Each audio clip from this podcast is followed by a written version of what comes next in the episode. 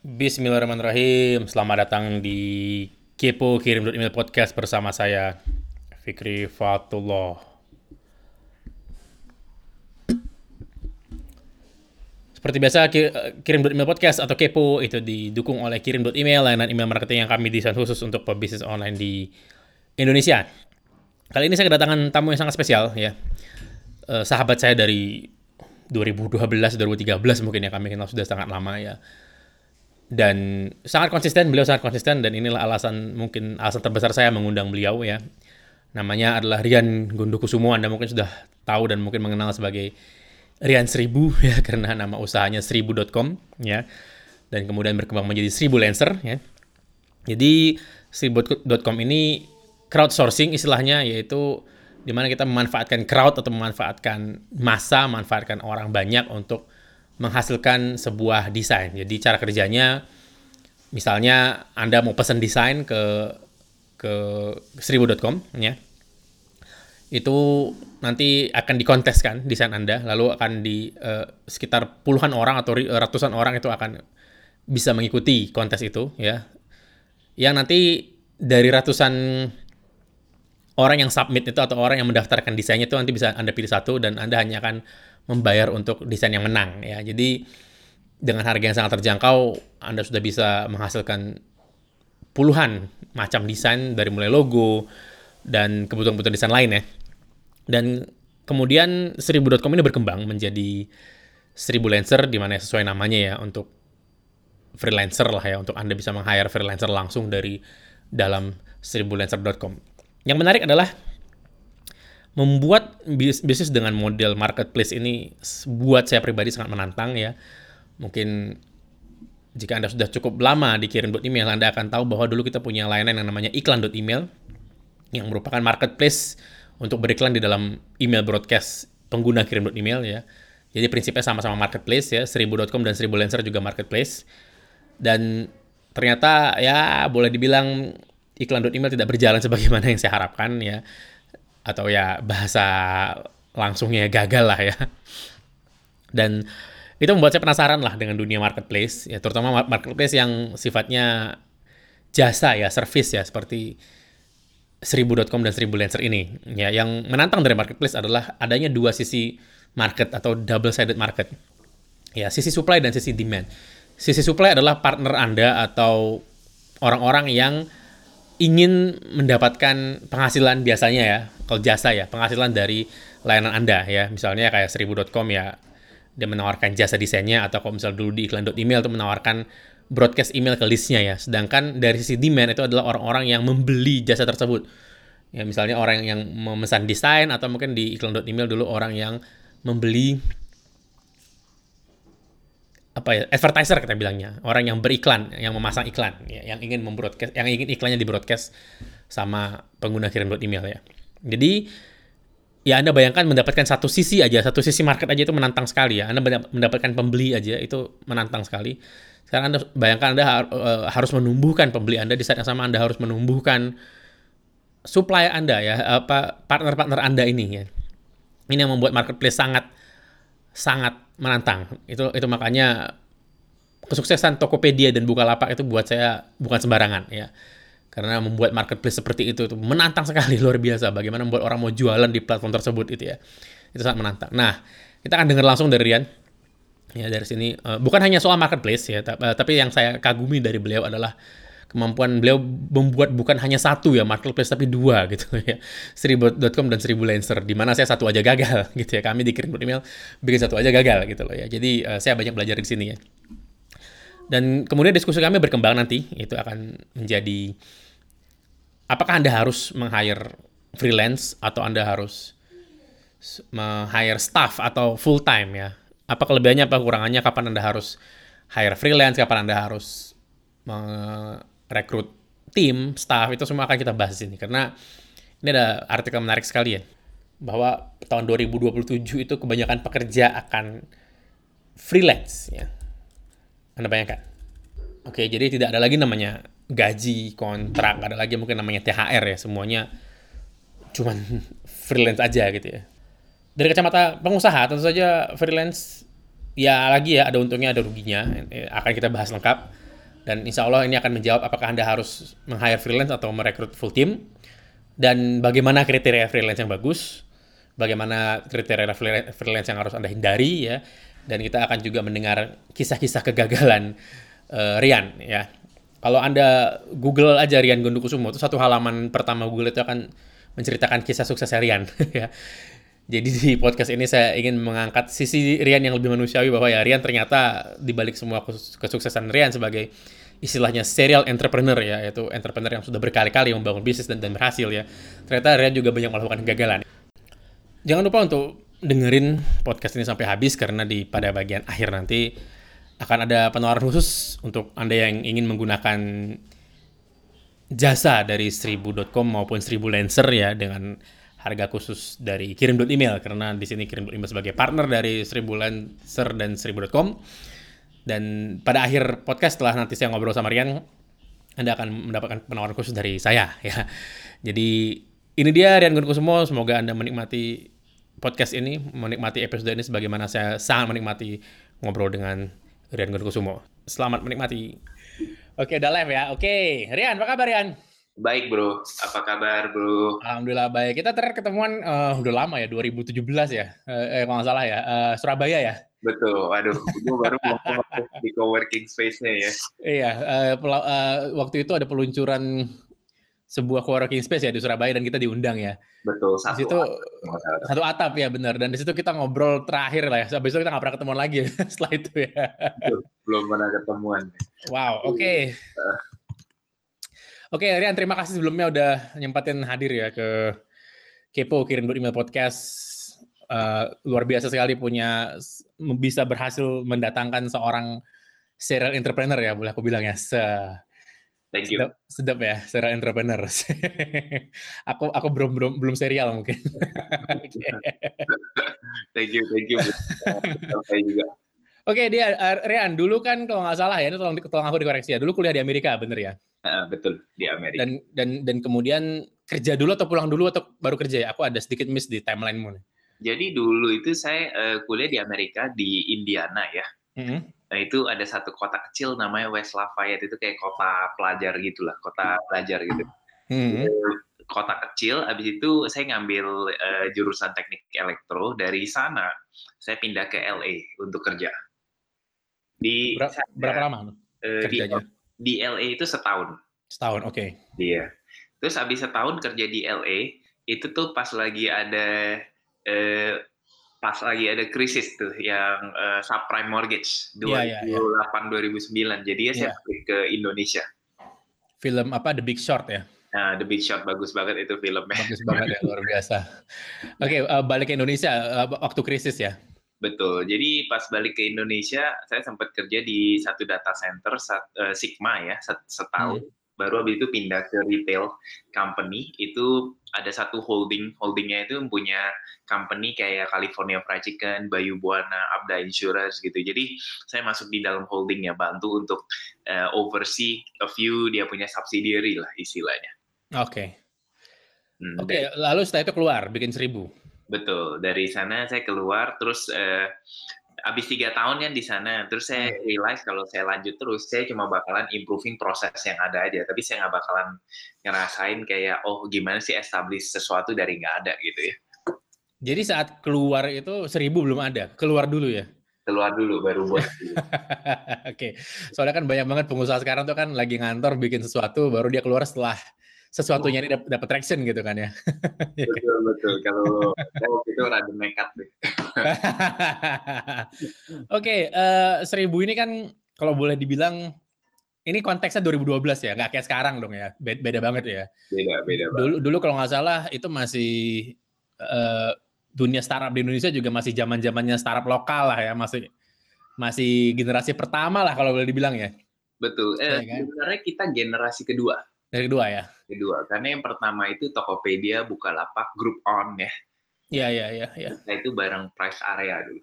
Tapi tetap aja itu masih baru banget tuh ya. Saat baru, itu juga baru Tokopedia, banget. Tokopedia juga tampilannya juga aku kan nggak nggak kayak sekarang lah yang jelas ya. Masih kayak kayak uh, uh, Tokopedia bersaingnya masih sama Kaskus ya nggak ya saat Betul. itu ya. Betul. Iya kan. Betul. Nah itu kan berarti kamu mulai sesuatu yang boleh dibilang asing ya di mata orang Indonesia itu kan oh sih crowdsourcing gitu ya kan ya. Benar. Uh, bahkan istilah istilah crowdsourcing itu ya mungkin harus dijelaskan dulu ya ini ke orang Indonesia saat itu ya gitu ya. Betul. Nah, kenapa memutuskan untuk memulai sesuatu yang sama sekali baru? Artinya kenapa harus apa apa alasannya menjadi pelopor gitu loh? Karena menjadi pelopor ini kan berat ya. Ya.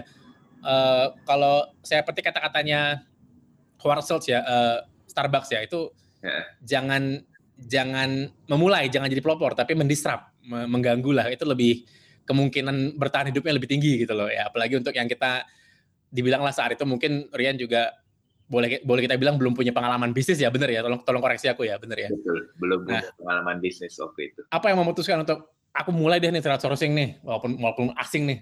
Apa yang memutuskan untuk bikin itu Oke, jadi waktu dulu itu sebenarnya kayak kita kan, eh, saya waktu itu umur 25, 26 gitu. Jadi Wow, wow. Iya, udah tujuh tahun, 8 tahun lewat nggak kerasa. Wow, oke. Okay.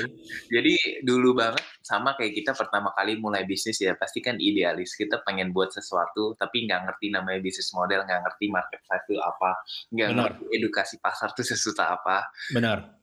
Jadi waktu dulu itu awalnya saya ada eh, ngobrol-ngobrol uh, sama uh, istilahnya beberapa orang ya istilahnya dan uh, dari sana saya uh, istilahnya tuh pengen tahu uh, what they think about crowdsourcing karena di US waktu saya kuliah di sana tuh ada satu company namanya CrowdSpring. CrowdSpring itu di Chicago. Hmm. CrowdSpring itu uh, company-nya nggak terlalu gede nggak terlalu gede, tapi uh, mereka punya revenue itu tuh benar-benar uh, fantastis banget. Kayaknya ukuran company-nya tuh cuma 15-20 orang. Wow. Ya, revenue-nya uh, I think pas saya masih di sana about 15 million US uh, a year. Uh, a year. Wow, oke. Okay. Jadi uh, saya ngelihat uh, the power pertama online-nya dulu. Hmm. Kedua, uh, kenapa crowdsourcing? Karena saya juga orangnya tuh I'm into human resource sama I'm into uh, art gitu ya istilahnya kayak uh, expertise-nya di juga, juga ada di UI design lah istilahnya. Ya. Yeah jadi dari sana saya coba kembangin ya apa yang saya suka kerjain, my passion sama apa yang saya mau buat untuk bisnis. Nah di Indonesia waktu itu kita ngeliat crowdsourcing tuh belum ada, jadi kita ngerasa bahwa uh, this new concept itu bisa uh, kayak Mas Fikri bilang uh, jadi pelopor ya di Indonesia. Mm. Karena waktu itu kompetitor kita sebenarnya the traditional uh, freelancing atau agency business. Iya. Yeah. Gitu. Direct ya. Direct betul. Benar benar. Eh, jadi waktu itu sih sebenarnya kalau ditanya modalnya apa ya modalnya benar-benar cuma karena pengen mulai usaha aja. saya saya benar-benar naif banget sih dulu kayak uh, ngerti apa-apa ya istilahnya kayak uh, yang penting uh, mau mau jalan dulu lah istilahnya. Tapi saya sendiri nggak tahu saya ini masuk ke dunia seperti apa. kan kadang-kadang orang bilang kalau kamu nggak terjun sendiri kamu nggak pernah ngerasain kan istilahnya kan? Yang hmm. bikin confident apa ya? Kan pasti ada sesuatu yang bikin confident biasanya kan ya ada sesuatu yang bikin kita confident. Ini kalau aku jalanin nih jadi nih. Nah apa apa yang membuat Rian ngerasa confident banget? Wah ini crowdsourcing jalan nih. Apa saat itu? Waktu itu uh, selain motivasi pengen punya bisnis sendiri tentunya hmm. juga uh, karena kita ngelihat crowdsourcing punya model. Crowdsourcing itu kan sebenarnya uh, bisnis model adalah di mana ada uh, brief permintaan yang masuk dan nanti dikerjakan sama sekelompok orang. Dari yeah. sekelompok orang itu yang diambil solusinya itulah yang dibayar. Jadi kita ngerasa itu very powerful, especially ke klien ya. Uh, yeah, benar, lagi benar. mereka bisa dapat uh, puluhan ide atau puluhan solusi ya dan uh, yang mereka keluarkan uh, lebih ekonomis gitu. Jadi kita ngelihat itu sebenarnya ada penet, uh, ada ada suatu konsep baru yang uh, unique value-nya tuh jauh lebih gede daripada the traditional atau conventional business uh, kasih sekarang. Jadi confident levelnya naiknya di sana. Dan di awal-awal kan saya banyak ngobrol sama desainer-desainer teman yang lain, yeah. kan juga punya problem yang sama. Eh, punya problem juga in the market di mana nyari job tuh susah karena mereka bukan orang sales gitu dan saat itu tidak ada mungkin ya maksudnya uh, dari sisi klien ya huh? tidak ada tidak ada layanan yang bisa puluhan orang pitching desain sekaligus itu nggak ada ya saat itu ya? Nggak ada. Iya nggak ada ya bener ya? Nggak ada. Wah luar biasa. Oke, nah kita masuk ke, ke ke sisi itu ya. Ini kan ini kan artinya kan dua sisi ya, alias marketplace ya. Betul. Kalau boleh dibilang marketplace jasa ya. Dan ini kan bikin marketplace ini kan susah sekali loh, menantang sekali ya. Karena saya ngerasain langsung bikin marketplace. Uh, mungkin ingat obrolan kita di Surabaya ya. Obrolan terakhir itu kan aku nanyain, uh, Rian, marketplace ini supply dulu apa demand dulu? Ingat nggak pertanyaan pertanyaan itu ya? Ingat ya? Iya. Nah dari situ dari situ Rian bilang supply dong, ya kan? Aku ingin banget jawaban itu. Aku catat loh jawaban itu, ya kan? kan? Betul, betul. Uh, supply dong. Kenapa? Karena ini ini ini. Nah kan dijelaskan itu kan saat itu. Nah tetap ternyata saat aku aku jalanin ya, mm-hmm. bikin saat itu namanya layanan namanya iklan.email, ternyata tidak berjalan seperti yang ya seperti diharapkan lah ya gitu ya. Padahal uh, kalau dari sisi supply uh, sebenarnya aku pribadi sangat sangat percaya diri dengan dengan supply. Artinya kita dengan uh, uh, 15 ribuan user ya ini supply ini adalah paling enggak satu dua persen nyantol lah kan gitu ya. Iya. Ternyata enggak gitu loh ya. Uh, artinya ya dan sekarang layanan itu kita kita tutup gitu loh karena supply-nya pertumbuhan supply itu tidak tidak tidak balance ya dengan permintaan malah. Jadi mm -hmm. yang terjadi malah saat itu over demand gitu loh Oh, over ya, demand. Over demand kasus kasus kami malah seperti itu saat itu. Jadi yeah. uh, di situ di situ aku uh, kami menyadari ya dikirim dulu menyadari bahwa memang marketplace adalah model bisnis yang sangat menantang karena harus mengakuisisi pasar dari dua sisi, benar ya? Betul. Jadi mirip fenomena ayam telur, ayam dulu apa telur dulu kan gitu, ya. Benar. ya saat saat supply atau saat desainer kita di seribu.com misalnya ya saat uh, desainer kita banyak maka klien akan datang kenapa wah dia banyak desainer tuh kan gitu ya kan ya satu sisi saat klien kita banyak, desainer akan makin banyak. Kenapa? Wah ini kliennya Rian ngeri nih gede-gede kan gitu ya, bener ya, dua sisi ya. Betul. Nah, gimana caranya? Eh, saya pernah baca di, aku pernah baca di wawancara Tech uh, bukan Daily Sosial ya, yang di situ menyatakan bahwa Rian bisa berhasil mendapatkan 2.000 orang desainer ya, 2.000 orang desainer mendaftar dalam tiga bulan pertama 1000.com berdiri. How? How come? Bagaimana cara saat itu? Oke, jadi kalau di benar katanya uh, Mas Fikri, setiap marketplace beda-beda ya. Bah, benar ya. Uh, contohnya itu kalau nggak salah, saya rada lupa di luar negeri itu dulu ada satu marketplace namanya Homejoy. Homejoy, oke. Okay, yeah. Providing uh, apa namanya uh, cleaning service ya. Iya, service juga ya. Itu dia nyari supply susah banget. Hmm. Jadi over demand juga kasusnya mirip. iya iya betul. Mematikan malah. betul betul over demand malah iya, bukan yeah. over supply gitu. Padahal yeah. lucu. Supply itu kan sebenarnya yang mendapatkan income kan. Iya lucu kan jadi. itu kan. Lucu banget. Padahal di dunia ini pastinya di manakah di mana kita bisa mendapatkan income di situlah orang pergi. Benar. Dan itu kasusnya kita di seribu juga uh, buat desainer yang bukan orang sales ya, hmm. mereka itu susah banget cari klien. Jadi mereka itu ada dua alasan kenapa mereka tuh uh, mau cari klien selain untuk dapat income, tapi untuk ningkatin reputasi. Dan itu sebenarnya buah si malakama juga. Iya yeah, benar benar. More clients kalau misalnya reputasinya uh, belum ketahuan kan istilahnya kan. Iya yeah, benar. Jadi kita itu jadi jembatan untuk bantu desainer ini cari klien. Makanya pas kita advertise seperti itu, saya banyak dulu advertise-nya di uh, Facebook. Iya. Yeah. Uh, jadi pas udah advertise di Facebook, saya juga nggak spend terlalu banyak. Mereka ngerasa ini ada potensial new new marketplace di mana jadi source of income-nya mereka. Hmm. Jadi dari sana mereka berbondong-bondong langsung registrasi. Waktu itu ada deh, kayaknya saya cuma dua bulan pertama ya uh, brand belum tahu uh, belum belum ada yang kenal tapi waktu itu ya kita dapat sekitar tiga ribuan desainer gitu jadi kita juga waktu itu sampai bingung gitu kayak istilahnya hmm. frantic uh, desainer udah pada masuk tapi di mana malah nggak kebalik ya kebalik kebalik dan jujur aja ya Mas Fikri ya waktu yeah. dulu kita itu creating demand painful banget wow saya tuh bayang sih Kebayang ya? Kebayang, kebayang. Karena nggak semua orang kan eh, di setiap saat butuh logo kan misalnya benar, atau benar. packaging gitu. Benar. Jadi saya ada mungkin keliling sekitar 100 klien ya yang saya do direct selling gitu. Sebentar, keliling ini artinya benar-benar keliling datengin kantor mereka gitu ya? Betul. Wih. Oke. Jadi terus apa yang terjadi setelah itu? jadi saya presentasi ke mereka dan ini ya bisa terkesan gimana ya kalau mungkin teman-teman ngerasa wah ini seribu advance teknologi banget uh, tapi awalnya tuh menyedihkan banget lah itu. Ya kita presentasi gitu uh, kita bawain company profile. Saya saya presentasi saya bawain company profile. Ujung-ujungnya kliennya cuma bilang oh ya logonya bagus tapi kita nggak butuh sekarang. Benar. Gitu jadi, wow sakit ya dengerin Iya. Aku aja denger sakit kok sekarang. Kayak kita pasti pengen jauh-jauh meeting misalnya ke Dan Mogot atau ke Jawa iya, iya. gitu ya. Pengennya kan ada deal kan happening. Benar. Terus yang lebih painful lagi dari meeting-meeting ini kalau per, kalaupun jadi deal, dealnya itu kan range-nya antara dua setengah juta sampai 9 juta kan. Iya. Yeah. Jadi harganya pun juga karena ini harganya ada di website kita. Kita bukan kayak agensi yang tiba-tiba bisa markup 30 40 juta. Benar, ya. Benar. Kita nggak kayak gitu. Dan nomor dua yang lebih sedihnya lagi, meskipun kita platform online, yang terjadi kalau ada klien yang mau sampai beli kita punya service, logo atau di atau packaging atau company profile, uh, kliennya itu nggak mau login ke website kita. Jadi, wow, oke. Okay. Iya, saya jadi PA-nya mereka di samping buatin user, habis itu orderin lewat website wow, kita wow. gitu. Jadi in the early days, the user in our website itu kita sendiri. Wow, wow. Dan itu itu itu berapa lama bertahan seperti itu? 6 bulan. Wow, lama juga ya. Lama loh itu. Lama.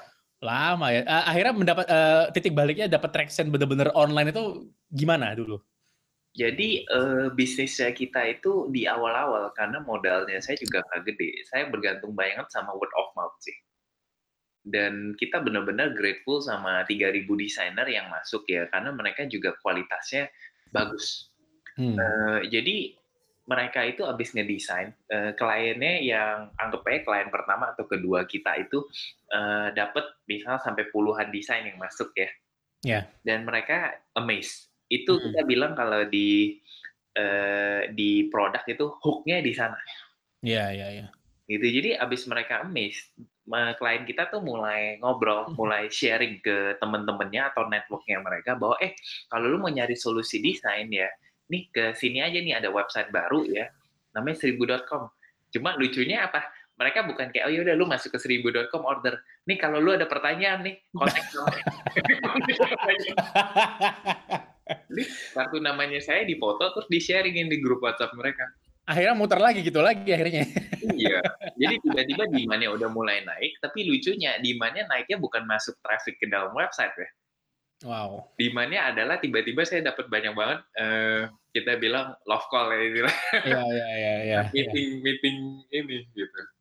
Oke, okay, uh, eh, jadinya offline lagi ya ngirim proposal lagi dan seterusnya lagi ya muter lagi ya prosesnya. Betul, tapi saya coba untuk nggak buat proposal dengan cara ke tempat mereka langsung saya orderin di on, uh, orderin. Oh wow. Buka buka laptop depan mereka gitu jadinya ya. Buka laptop sampai ada sekali yang paling lucu kita ada meeting ya hmm. 11 orang deh. Itu saya sendirian jadi di dikelilingin sama 10 orang dan kita ordernya itu pakai proyektor. Wise. Jadi semua orang ngelihat cara ordernya. Tapi tapi in my opinion, uh. the most effective. Uh, Bener sih ya. Iya. Justru satu sisi itu jadi jadi personal touch banget ya. Ini CEO-nya seribu datang sendiri ke tempat kita ngorderin loh kan gitu ya. Itu jadi story sendiri kan itu ya. Betul. Dan mereka ngelihat bahwa order lewat online ini seperti apa dan gampang. Iya iya iya. Wah, insight luar biasa ya.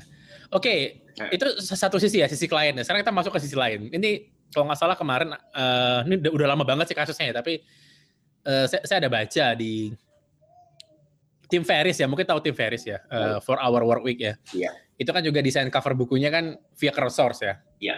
Uh, dia di Amerika ya, dia menggunakan sebuah layanan crowdsource di Amerika dan akhirnya dia benar-benar milih satu di, cover desain dari dari dari buku uh, uh, untuk bukunya dari dari semua yang dipicing sama dia.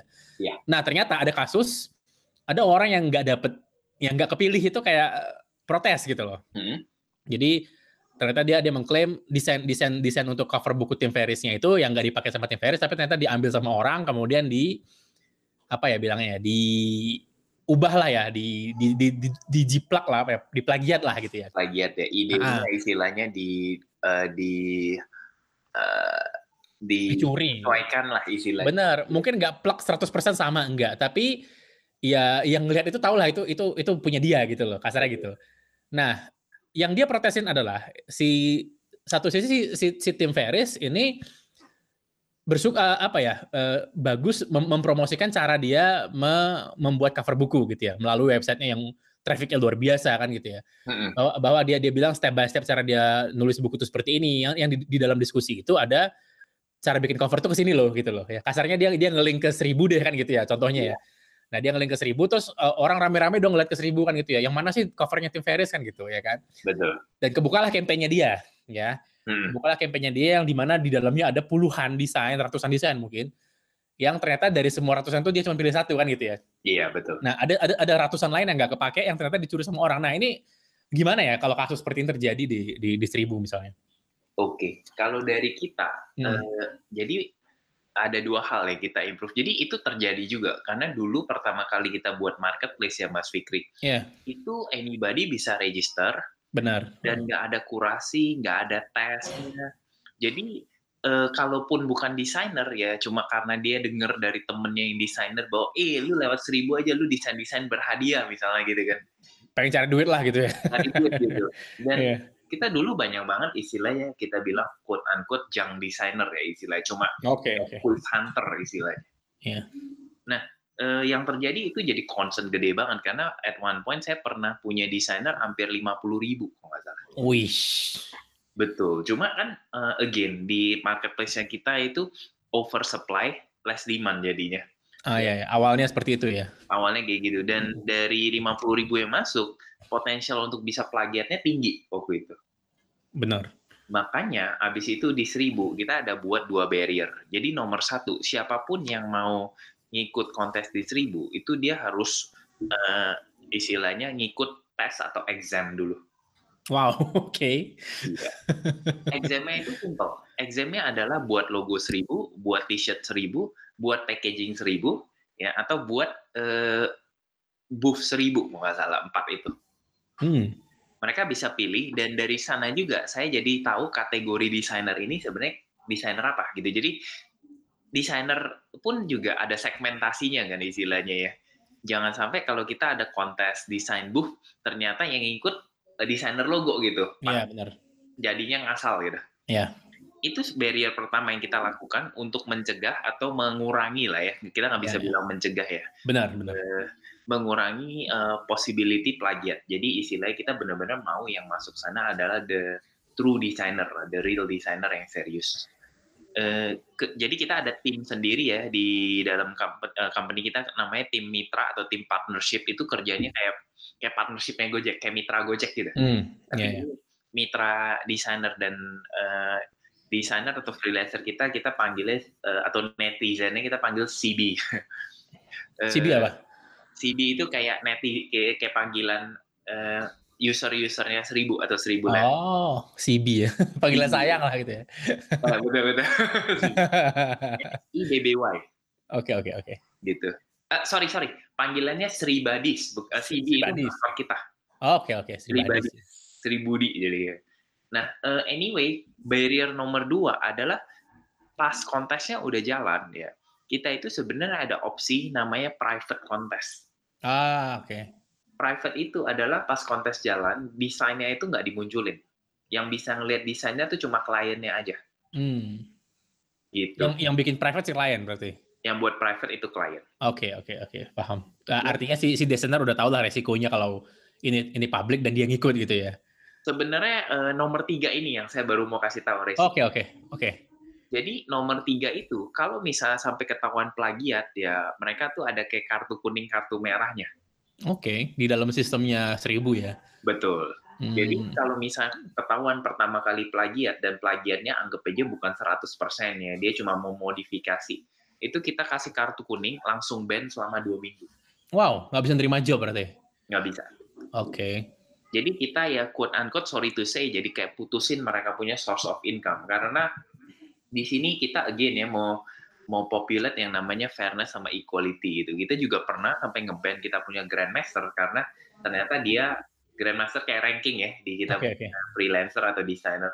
Karena oh ternyata terbukti dia dia ada sempat sekali uh, menjiplak lah istilahnya. Gitu. Hmm. Jadi uh, ini saya belajar banyak nggak cuma untuk di marketplace ini tapi di company kita ya eh, kita selalu ada carrot and stick ya kita bilang Iya, iya, iya. Eh, mereka yang perform ya kita reward tapi mereka yang nggak perform unfortunately kita mesti kasih eh, improvement plan kan istilahnya ya Iya, iya. kurang lebih kita terapin hal yang sama. Jadi dengan adanya kayak gini, dari segi desainer pun juga ada resiko yang mereka mesti ada just in case kalau mereka break dulu. eh, dulu. Kalau misalnya sekali udah karena kartu kuning yang dua minggu ban ya, next time dia kena lagi itu ban permanen. Wow, dia nggak bisa daftar sama sekali lagi ya berarti ya? Nggak bisa dia harus pakai eh, email baru dan email baru itu mesti ngikutin exam, reputasinya dia yang lama, eh, Restart ya, jadi. dia start semua. Oke, oke. eh, ngomong-ngomong soal soal freelance ya, eh, buat saya pribadi ya, ini kan freelance ini kan dari sisi personnya ya, orangnya ya, manusianya ya, itu kan sebenarnya sangat dekat dengan menjadi seorang pebisnis gitu loh ya, karena kan dia butuh mindset tertentu. Paling nggak dia harus bisa self motivated ya, Betul, harus dia harus bisa bangun pagi, dorong dirinya sendiri, bikin kopi sendiri kan gitu ya, kasar kan gitu ya. benar. Terus kerja itu nggak ada yang ngawasin gitu ya, jadi benar-benar dia harus eh, didorong dari dalam. Nah, satu sisi ini kan bagus ya. Sisi lain kan ya ki- mungkin kita tahu lah ya pengusaha itu kan bukan orang gampang diatur gitu loh ya kan gitu ya. Ya jadi kan eh, saya juga melihat freelance beber- beberapa orang freelance juga bukan orang yang gampang diatur gitu loh. Oke mereka self motivated iya. Mereka nggak perlu dimotivasi berlebih. Oh ya saya setuju. Tapi mereka juga kalau lagi nggak pengen kerja lagi nggak pengen kerja gitu loh ya kan ya. Bener ya. Rian ya. Nah gimana nih caranya kalau mereka lagi tiba-tiba nih misalnya ini worst case lah ya. Ini, ini mudah-mudahan jangan terjadi lah ya. Tapi ini worst case ya. Misalnya nih datang klien nih ya. Klien gede nih datang terus Hmm. eh, dia bikin kontes tiba-tiba mayoritas grandmasternya ini lagi lagi nggak pengen ikut kontes aja gitu lagi nggak mood lah atau apalah gitu kan ya nah ini gimana biar bisa me, men-trigger mereka untuk terus jalan gitu loh terus kerja gitu terus ber- berkontribusi gitu loh I see. Hmm. I- uh, ini pertanyaan yang lumayan bagus. Jadi kita ngelihat ada sebelum kita masuk ke free freelancer as a whole, saya pengen sharing dulu bahwa freelancer tuh ada dua macam. Freelancer yang sebagai full time freelancer atau freelancer yang istilahnya masih ada part time, masih ada kerjaan full time dan mereka jadi freelancernya tuh misalnya pas malam, pas Ah, minggu gitu ya. dia ada ngantor di mana gitu ya siangnya gitu ya oke Betul. oke Jujur aja kalau dari kita, kita pernah banyak kasus ya sama yang nomor dua. hmm Dan ini kasusnya eh, kenapa? Karena eh, waktu cuma 24 jam sehari, tangan cuma dua. Jadi mereka mesti milih. Tentunya mereka bakal fokusin kerjaan utamanya dulu kan. benar Maksudnya, benar benar Makanya Jadi- kita sekarang bak- eh, banyak fokus atau kurasi freelancer yang masuk itu adalah full time freelancer. Hmm, supaya supaya si eh, seribunya jangan dapat jam sisa gitu ya. Nah, betul. Sama kita mau orang-orang yang masuk di eh, kita punya platform itu, memang mereka yang career path-nya itu mereka mau build as a freelancer, bukan freelancer sebagai sampingan lagi. Hmm. Dan kita pernah punya freelancer yang istilahnya sebagai part time dan eventually dia jadi full time freelancer karena kita. Ah, wow, oke. satu. Jadi arah karirnya berubah jadinya ya. Betul, karena dia ngerasain kerja sama orang tuh kayak gimana gitu. ya, ya, benar benar. Terus eh, pendapatannya juga kadang nggak seberapa. Ya mungkin bisa dapat THR, tapi di sisi lain sacrificing eh, time juga sama energi kan. Apalagi Benar. kalau mereka yang kerja di agency eh, itu very long hour lah istilahnya. Belum lagi masalah kelelahan emosi lah ya gitu ya. Benar, benar. Apalagi kalau desainnya udah udah last minute, udah jadi, terus tiba-tiba diminta revisi, revisinya Sabtu Minggu Iya, iya, iya. Wow, gitu. luar biasa. Oke, ini ma- masuk ke, ke cerita gagal nih. Boleh. ya. Boleh.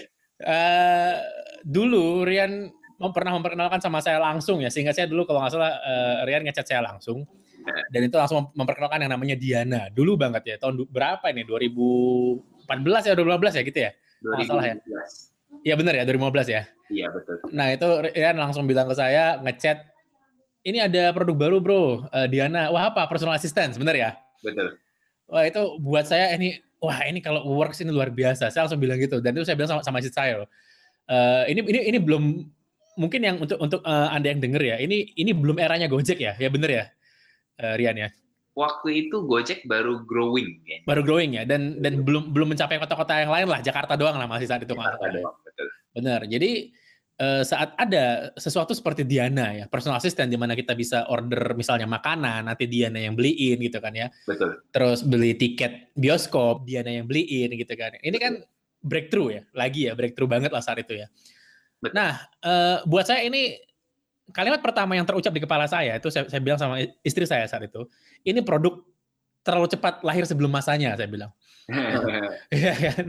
Itu yang saya, uh, reaksi pertama saya setelah setelah setelah Rian kenalin Diana dulu ya. Itu saya bilang, uh, kalimat pertama saya bilang ke istri saya itu itu. Uh, ini produk yang jauh sebelum masanya ya. Nah, sekarang ya ternyata dia uh, halodiana.com ya kalau nggak salah ya apanya. Betul. Halo Diana. Nah, Halo Diana itu sudah sudah tidak tidak beroperasi ya. Nah, itu apa persisnya yang membuat Rian menghentikan Diana saat itu? Oke, ini apa story di belakangnya gitu? Iya, ini ceritanya lumayan menarik ya. Maksudnya uh, hmm. jadi waktu kita itu launching Diana sekitar 2000 2014 akhir kalau nggak salah ya. Itu tuh uh, titiknya kenapa? Karena kita uh, pengen grow our traction lebih lah istilahnya. Dan kita ngelihat tuh uh, kalau kita freelancernya handle service lebih kayak ke desain, marketing related gitu, itu uh, benar-benar tergantung soal kebutuhan jadinya. Iya, iya, iya. Kalau nggak butuh ya mereka nggak pakai. Sementara waktu itu kita ada freelancer kalau nggak salah hampir 30-40 ribu lah in total ya. Iya. Jadi kita ngelihat kenapa nggak freelancer ini diberdayakan juga tuh untuk uh, urusan yang berbeda. Hmm. Bilangnya micro task lah istilahnya.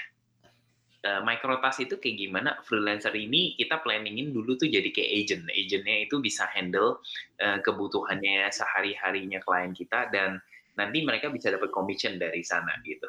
Hmm. Nah, uh, yang terjadi adalah waktu kita ngelihat modelnya mau dibuat kayak gimana, di luar negeri itu ada satu uh, startup baru yang lagi lagi happening banget namanya Magic ya.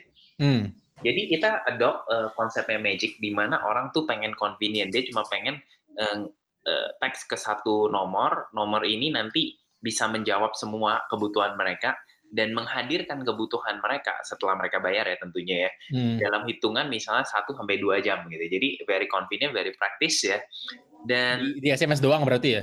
Di SMS doang betul. Oke okay, oke okay, oke. Okay. Di SMS doang dan uh, dari sanalah muncul uh, magic yang versi Indo namanya Halo Diana dan waktu itu saya sama saya sama ini Irzan Irzan yang punya Yes Boss ya Iya, yeah, iya. Yeah. Banyak ngobrol karena kita produknya similar lah. Hmm. Nah, cuma abis jalan sekitar eh, empat lima bulan itu kita mulai dapet uh, anomali yang rada aneh terhadap produk ini. Jadi uh, waktu itu di mana kita banyak, di mana hmm. itu kita per hari bisa sampai ribuan kalau nggak salah. wow. Iya. Cuma problem paling gede adalah gini, misalnya Mas Kiki mau pesen bunga nih buat istrinya. Hmm. Yang terjadi adalah karena sistemnya baru kebentuk, jadi kalau untuk fulfillment saya masih pakai orang. Oke. Okay. Di belakang kita ini ada agent Diananya. Agent-agent ini semuanya orang di kantor, saya hire ya, itu ada sekitar 15 sampai 20 orang. Kayak call center lah istilahnya. Iya. Yeah. Nah, mereka yang do fulfillment. Tapi yang terjadi apa sih di belakang?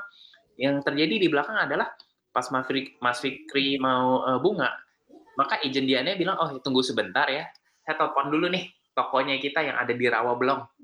Hmm. telepon itu very manual dan kalau misal di toko A nggak ada, dia harus telepon ke toko B.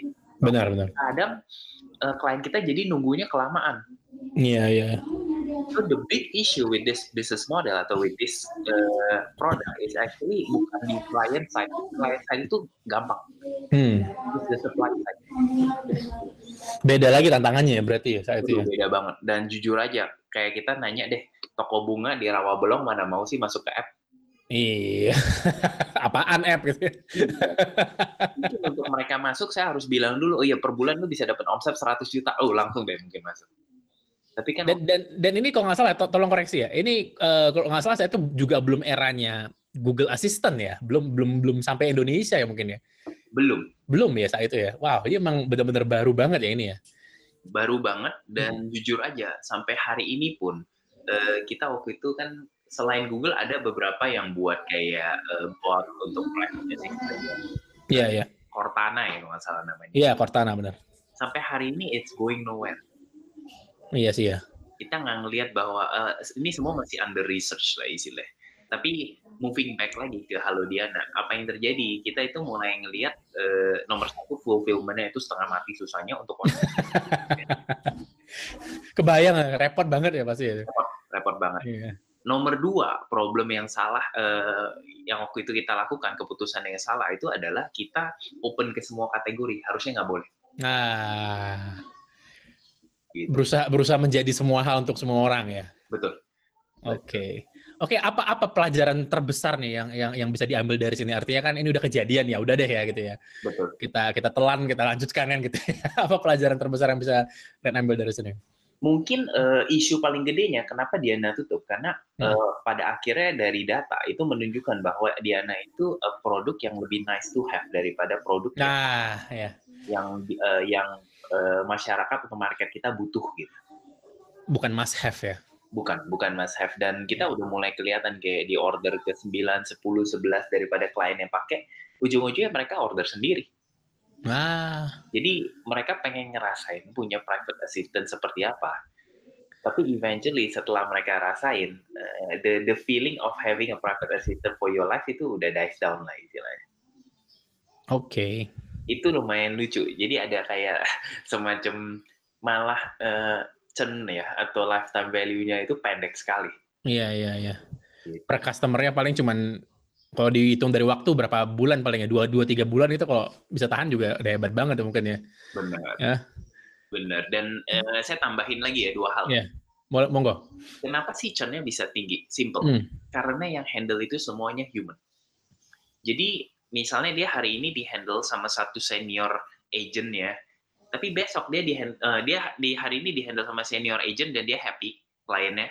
Besok di handle sama yang junior dan dia komplain karena yang junior itu tentunya nggak sebagus yang senior kan in terms benar, knowledge, uh, skill set gitu. Jadi we have a very big uh, quality uh, issue sebenarnya waktu itu. Karena ya lagi ya ini baru banget ya. Jadi SDM-nya juga ini saya harus ngapain kan gitu ya masih gitu mungkin ya Hah? Benar, nggak semua agent pernah booking tiket pesawat. Benar, benar, benar. Jadi uh, pasarnya baru belajar, supply-nya baru belajar gitu kan ya. Betul. Yeah. betul. Jadi ujung-ujungnya I decided untuk tutup. Uh, nomor yeah, yeah. nomor terakhirnya sebenarnya bisnis model ya. Karena kalau mau ngambil commission, mau ngambil margin itu juga nggak bisa gede, jadinya nggak bisa self sustain. Iya, yeah, iya. Yeah. Dan uh, terakhir ya sempat ada temen yang juga nanya ke saya, dia mau buat semacam kayak gitu. Jadi saya bilang, eh, kamu ketemu saya aja, saya bakal spend tiga jam untuk jelasin kenapa. saya kira I'm trying to save you this amount of money gitu benar, ya. Benar. Jadi ya uh, mendingan kamu spend nih tiga jam sama saya, saya bakal convince kamu untuk jangan buat. Dia dia soalnya ya kayak kita mau buat mau buat bisnis pertama kali kan Mas Fikri pasti yeah, yeah, yeah. ngebet gitu. Yeah. Padahal ya itu ya kalau kalau uh, dari dari ceritanya Rian barusan ya, itu padahal resource-nya sudah ada ya. Artinya si seribu ini sudah punya yang dibutuhkan untuk membuat service ini ya, membuat Diana ya. Padahal saat itu ya, kalau kita melihat hanya dari sisi resource ya. Betul. Sudah sudah lengkap ya. Perjalanan masih panjang banget. I, Benar. produk iterationnya berapa kali, baru akhirnya sih freelancernya bisa dipakai. Atau freelancernya bisa di leverage gitu. Benar ya. Malah kalau kalau buat aku pribadi ya, pelajaran yang bisa aku ambil dari cerita barusan itu apa ya uh, banyak orang bilang kalau istilahnya orang-orang Amerika bilang apa? Low hanging fruit ya. Jadi uh, ternyata low, low hanging fruit juga nggak selamanya bisa diambil buahnya kan gitu ya. Benar. Ya kan? Kita udah punya semuanya kita ngerasa confident ini bisa jadi ternyata nggak jadi gitu. Ya kan? Benar. Oke lanjut. Nah ini menarik nih. Ini mungkin uh, pertanyaan dari dari dalam hatiku yang paling dalam nih sedap ya kan? Nah Rian dengan makin populer kerja remote ya? Iya. Ya contoh dikirim buat email lah kita udah tahun keempat ya nih yang kerja remote ya tanpa office ya semua tersebar dari 25 kota di Indonesia ya dan mereka kerjanya full time ya. Nah yang tadinya freelance uh, dan dan di kita dikirim buat email itu sendiri beberapa orang yang lamar itu tadinya freelance Rian. Oke. Okay. dan salah satu kategori kita menerima itu akan akan lebih mudah kita menerima kalau dia sebelumnya pernah kerja freelance gitu loh Oke. Okay. Jadi kalau sudah kita tes kita apa dan kita lihat dia belum pernah kerja freelance itu biasanya kita probationnya agak lama gitu loh ya. Okay. Uh, eh, uh, percobanya agak lama ya. Nah tapi kalau dia sudah punya track record freelance itu yang probationnya mungkin standar tiga bulan itu bisa kita cepetin jadi sebulan setengah dua bulan selesai gitu loh ya karena dia udah terbiasa ya. Hmm. Dia sudah self motivated ya. Nah Jadi ada ada tren, ada tren uh, di di yang terjadi di Amerika kalau nggak salah ini dibahas di majalah Forbes apa di mana ya? Ya. Itu freelance sekarang beralih ke kerja remote yang lebih menawarkan keamanan ya, security seperti gaji dan benefit perusahaan, misalnya hardware ya. Contoh kayak di Buffer itu kan pekerjanya kan dikasih laptop gitu loh ya. Pokoknya kita masuk aja dikasih laptop, dikasih Fitbit, dikasih macam-macam lah kan gitu ya. Iya. Nah, dan di sisi lain kerja remote tetap me- menawarkan kebebasan pekerjaan kayak freelance ya. Nah. Jadi dia punya security kerjaan kantor, dia punya fasilitas kerjaan kantor, tapi dia menawarkan fleksibilitas seperti freelance. Jadi dia eh, sisi yang terbaik dari dua dunia gitu loh ya.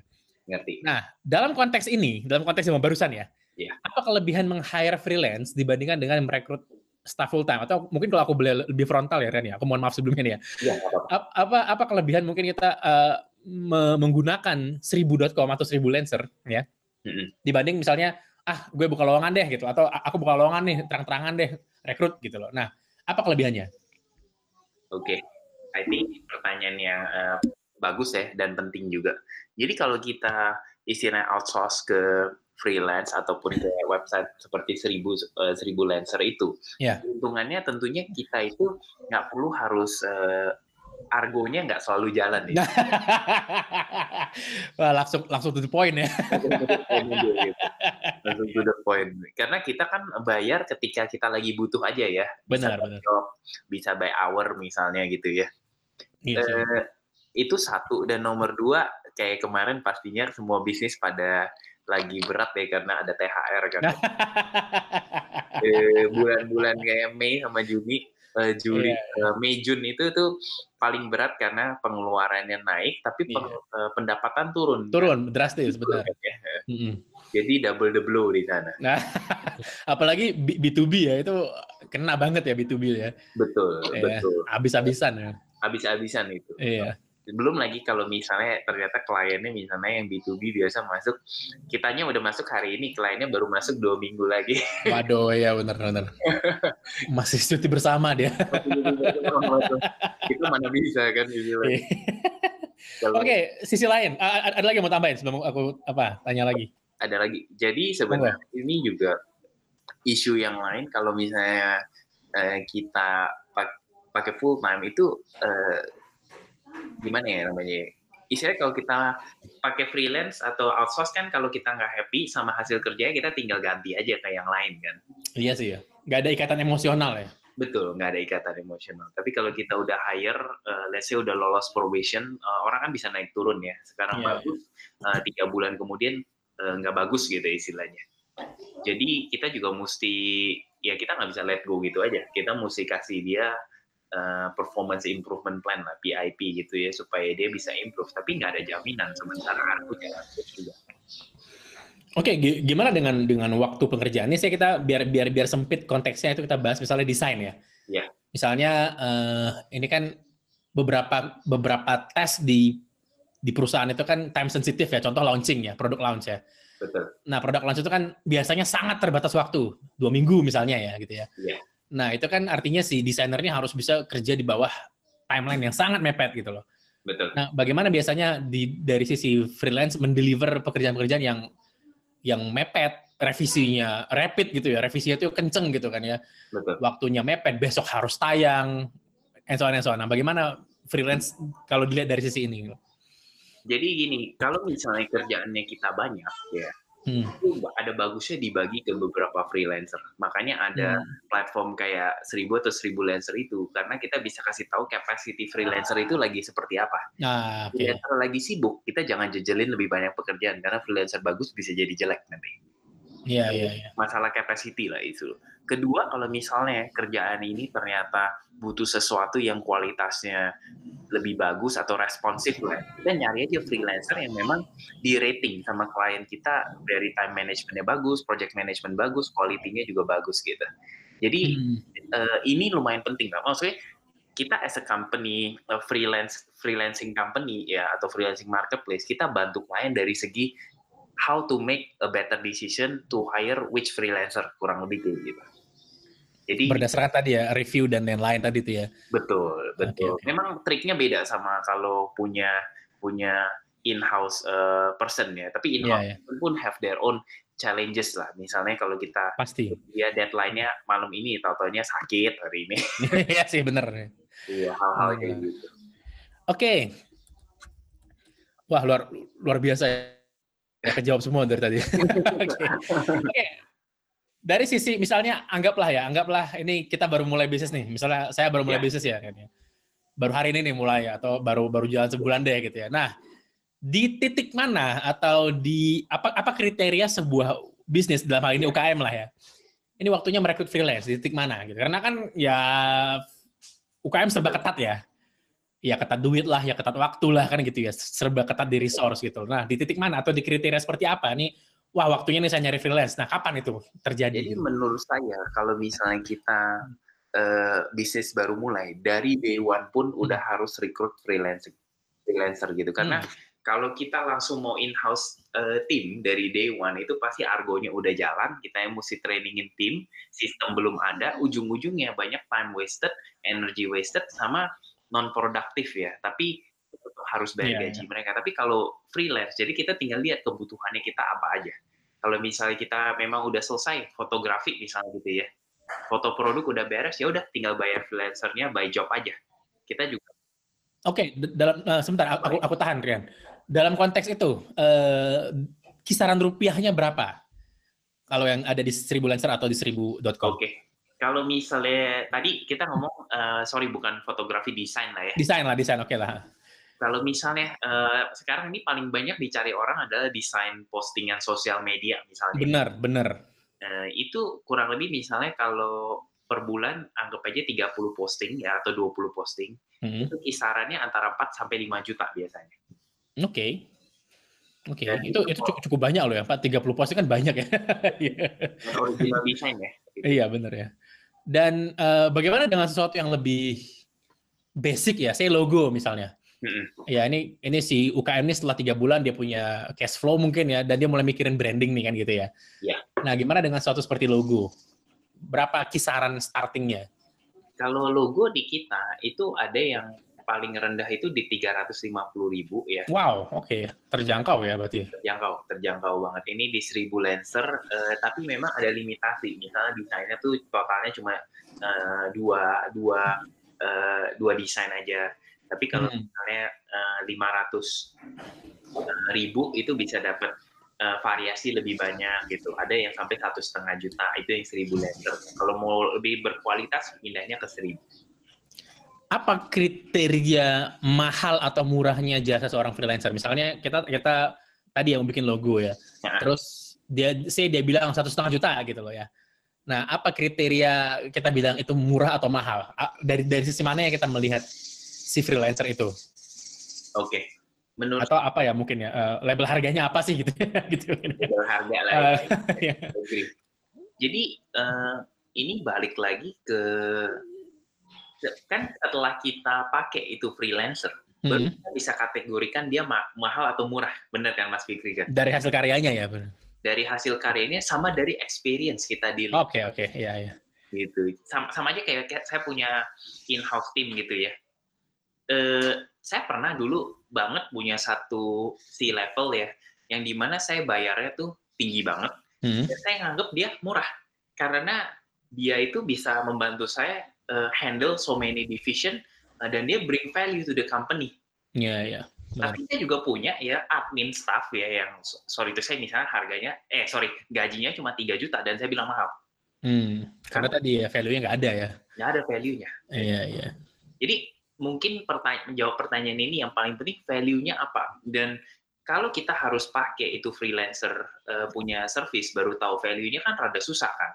Hmm. Tapi kalau ada kita punya produk kayak seribu-seribu lancer, di situ ada reputasinya, ada testimoninya klien juga yang pernah pakai. Jadi klien kita yang mau pakai freelancer tersebut kurang lebih bisa belajar dari pengalamannya klien sebelumnya. Oke, ber- oke berdasarkan itu.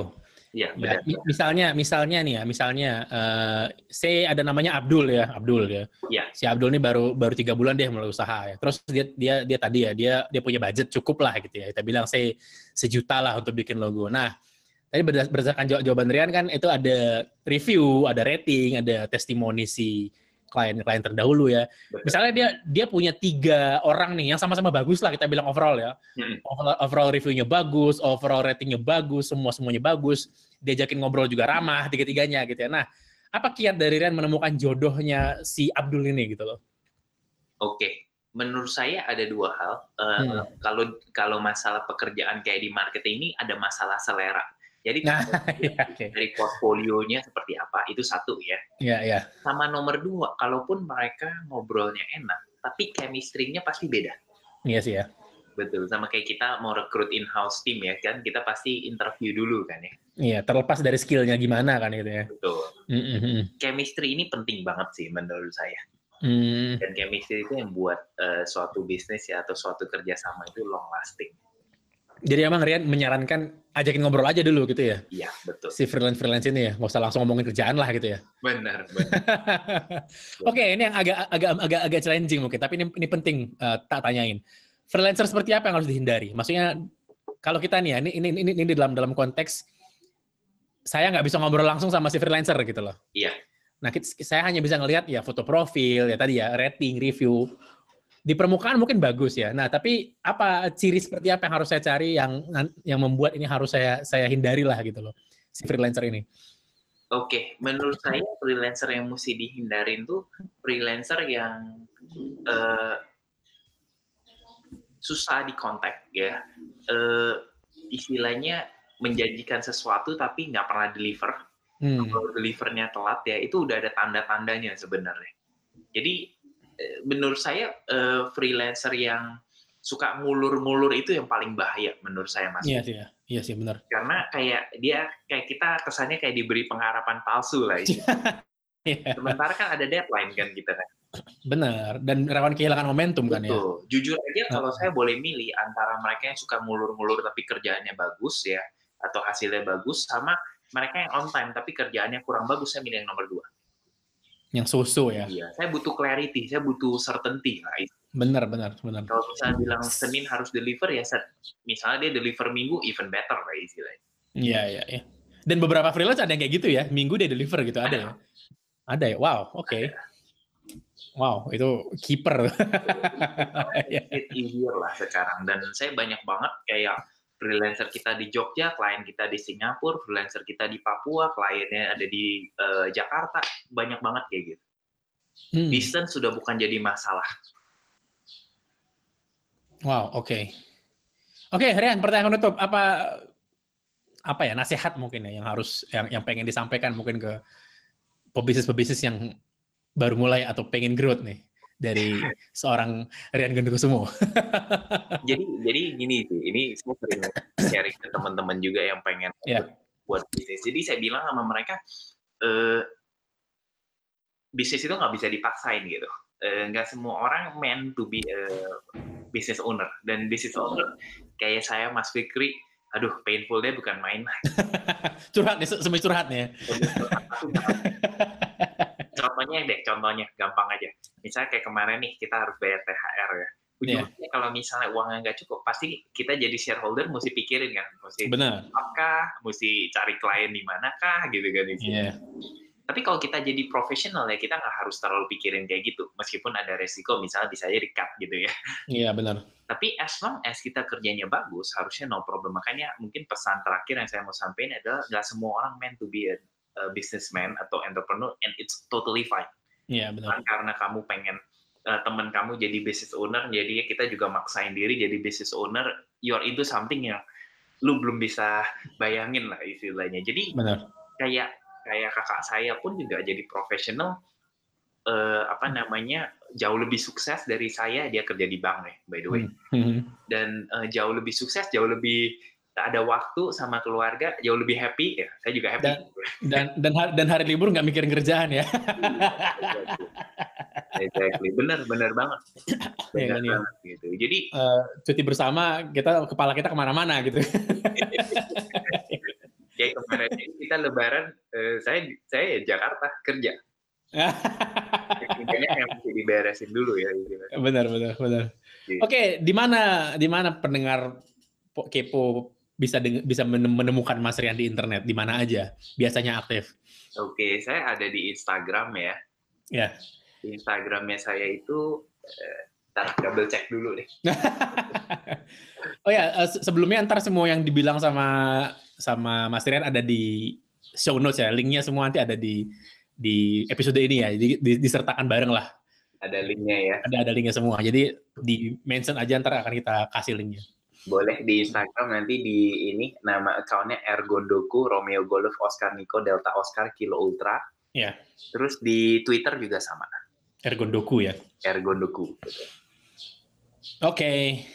Uh, ada satu lagi sih sama yes, monggo. kita itu uh, saya juga banyak nulis ya di blog.seribu.com itu blog.seribu.com ya betul sama saya setiap sebulan sekali ada webinar ya wow rajin banget luar biasa iya. gimana caranya cara mengikutinya gimana jadi webinarnya itu uh, kita pakai tools namanya Webinar Jam. Saya hmm. sesinya sebulan sekali. Saya bakal undang pembicara, biasanya uh, eh, CEO daripada suatu company ya. Hmm. Kayak terakhir kali kita undang uh, CEO-nya Warung Pintar, Agung. Agung ya. Iya, dan topiknya banyak bahas soal marketing, bisnis, sama venture capital tiga itu. Oke. Okay. Menarik. Jadi lain kali saya bakal undang Mas Fikri deh. Wah, aku belum belum pantas Mas diundang ke sana. Udah, udah, udah. Rian, terima kasih sekali loh ya, udah ngobrol sama kita luar biasa loh ya. Sama-sama, Luar biasa ya. Kalau uh, seperti yang saya bilang di awal ya, mungkin tadi sebelum sebelum kita rekaman itu saya bilang sama Rian apa, kalau nyari kisah sukses Rian gampang banget, tinggal Google Rian Gondokusumo. Itu halaman pertama Google itu kisah sukses semua gitu kan. Ya. tapi tapi di sini saya pengen berbeda, saya pengen ngeluarin ya bahwa ya tadi ya kayak yang uh, Rian bilang di akhir ya bahwa ada sisi yang sangat painful ya jadi seorang pengusaha gitu ya. Betul. Oke, kita kita kita kita kita menye, mungkin senang menjalaninya, tapi ada sisi yang orang mungkin lupa bahwa ada sisi yang painful, ada sisi yang di mana kita harus bawa kerjaan ke rumah gitu kan ya, harus mikirin kerja saat orang libur, harus mikirin THR dan lain-lain ya. Betul. Yang mungkin ini sisi yang jarang dibahas di panggung-panggung motivasi mungkin ya. Jadi mungkin ini episode ini banyakkan demotivasi daripada motivasi. Ini lebih uh, benar sih. Menurut uh, saya kayak uh, realitinya kayak apa gitu ya. Iya benar. Benar-benar. Oke Rian, terima kasih sekali sudah mampir ke sini.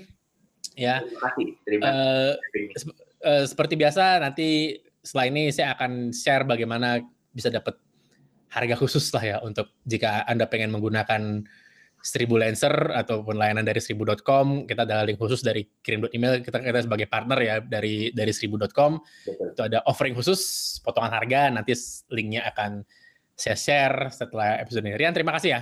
Terima kasih Mas Fikri, terima kasih pendengar eh, email juga. Oke, okay, thank you Rian. Thank you. Dadah. Ya, itu tadi obrolan saya dengan Rian, ya, sosok yang sangat humble ya, sangat rendah hati.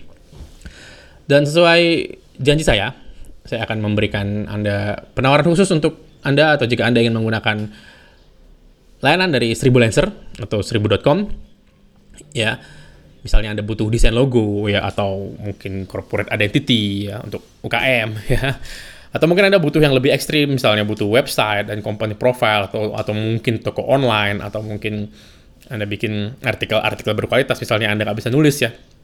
Anda pengen ditulisin artikel berkualitas untuk untuk misalnya SEO ya kebutuhan kebutuhan traffic dari SEO atau mungkin foto produk ya Anda butuh foto produk atau mungkin foto editing dan banyak lagi ya. Silakan Anda menuju kirim dot email garis miring seribu. Tulisannya seribu itu tidak pakai huruf E ya di tengahnya. Jadi SRI langsung Sri, seribu. Ya. Anda buka kirim dot email garis miring seribu. Itu halamannya yang akan membawa ke Anda nanti ke harga khusus untuk menggunakan layanan-layanan dari Seribu Lancer dan Seribu.com yang banyak sekali ya. Bukan hanya desain ya, bisa juga foto, videografi, nulis artikel, bikin website dan lain-lain ya yang untuk kerjaan-kerjaan yang mungkin ya tadi ya seperti yang sudah Anda dengar di percakapan saya dengan Rian tidak banyak pekerjaan yang itu rutin ya. Kecuali mungkin Anda butuh rutin ya, Anda butuh banyak sekali membuat gambar sehari itu Anda harus bikin 100 gambar untuk misalnya split testing iklan ya atau mungkin puluhan video untuk iklan Facebook. Ya, mungkin Anda harus hire tim full time. Tapi kalau Anda sebulan itu paling cuma bikin tiga atau empat atau lima gambar sampai 10 gambar pun menurut saya ya tidak masalah kita menggunakan jasa freelance ya. Karena biasanya yang saya pelajarin kalau teman-teman saya nih ya yang sudah menemukan winning campaign di Facebook atau sudah menemukan iklan Facebook yang pas itu biasanya sudah tidak begitu intensif lagi mendesain gambar dan lain-lain ya. Jadi biasanya fokusnya itu ke scale up, ke nambah budget segala macam. Jadi tidak membuat iklan baru terus-menerus gitu ya. Nah, jika Anda seperti itu atau jika Anda memang tidak uh, atau hanya ingin mungkin membuat logo yang hanya satu kali bikin gitu mungkin ya atau mungkin mengubah logo, rebranding atau semacamnya, ini tempat yang tepat sekali untuk Anda. Biayanya hemat, hasilnya banyak, ya hasilnya bagus ya.